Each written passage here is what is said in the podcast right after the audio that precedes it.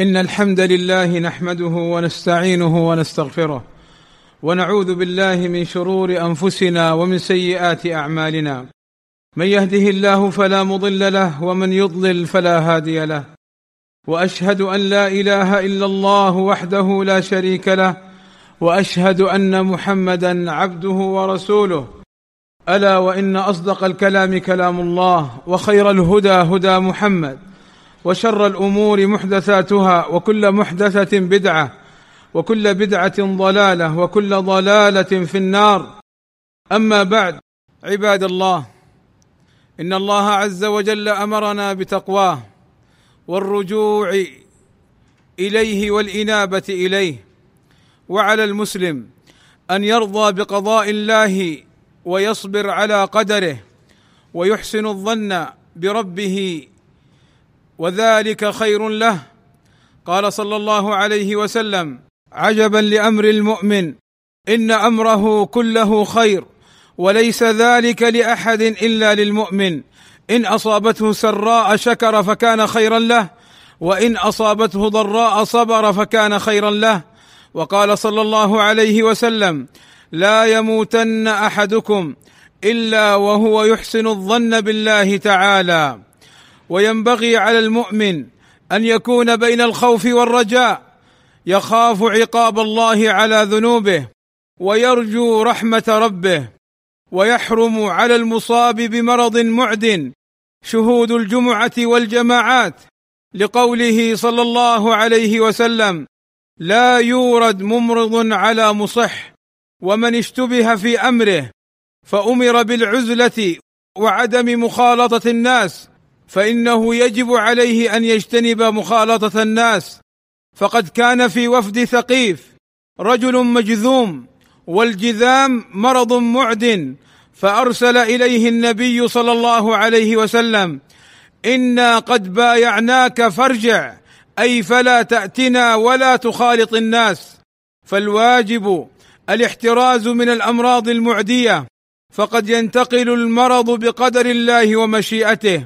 ومن خشي من الضرر على نفسه من انتقال المرض إليه أو على غيره بأن يعدي غيره فلا يحضر الجماعة بل يصلي في بيته لعموم قوله صلى الله عليه وسلم لا ضرر ولا ضرار وقد أوصت هيئة كبار العلماء الجميع التقيد بالتعليمات والتوجيهات والتنظيمات التي تصدر من جهة الاختصاص كما توصي الجميع بتقوى الله عز وجل واللجوء إليه سبحانه بالدعاء والتضرع بين يديه في أن يرفع هذا البلاء. قال الله عز وجل وإن يمسسك الله بضر فلا كاشف له إلا هو وإن يردك بخير فلا راد لفضله يصيب به من يشاء من عباده وهو الغفور الرحيم وقال تعالى وقال ربكم ادعوني أستجب لكم. أقول ما تسمعون. والله يغفر لنا ذنوبنا وإسرافنا في أمرنا. إنه غفور رحيم. الحمد لله رب العالمين. والصلاة والسلام على المبعوث رحمة للعالمين. وعلى آله وصحبه أجمعين. عباد الله من الأمور التي يراد بها تقليل الإصابة بالأمراض المعدية وتقليل خطرها في هذه الأيام بإذن الله تعالى وهي صادرة من جهات رسمية وهي موافقة للشريعة الإسلامية غير مخالفة لها. من هذه التعليمات أن يكون بين الأذان والإقامة في جميع الفروض عشرة دقائق فقط. فيؤذن المؤذن فينتظر عشر دقائق ثم تقوم الصلاة. ومنها أن يكون بين الصفين صف فارغ وذلك لغرض صحي من جهة توفير الهواء وعدم حصول كتمان للهواء والنفس. اللهم ارض عن الخلفاء الراشدين أبي بكر وعمر وعثمان وعلي وعن جميع أصحاب النبي صلى الله عليه وسلم.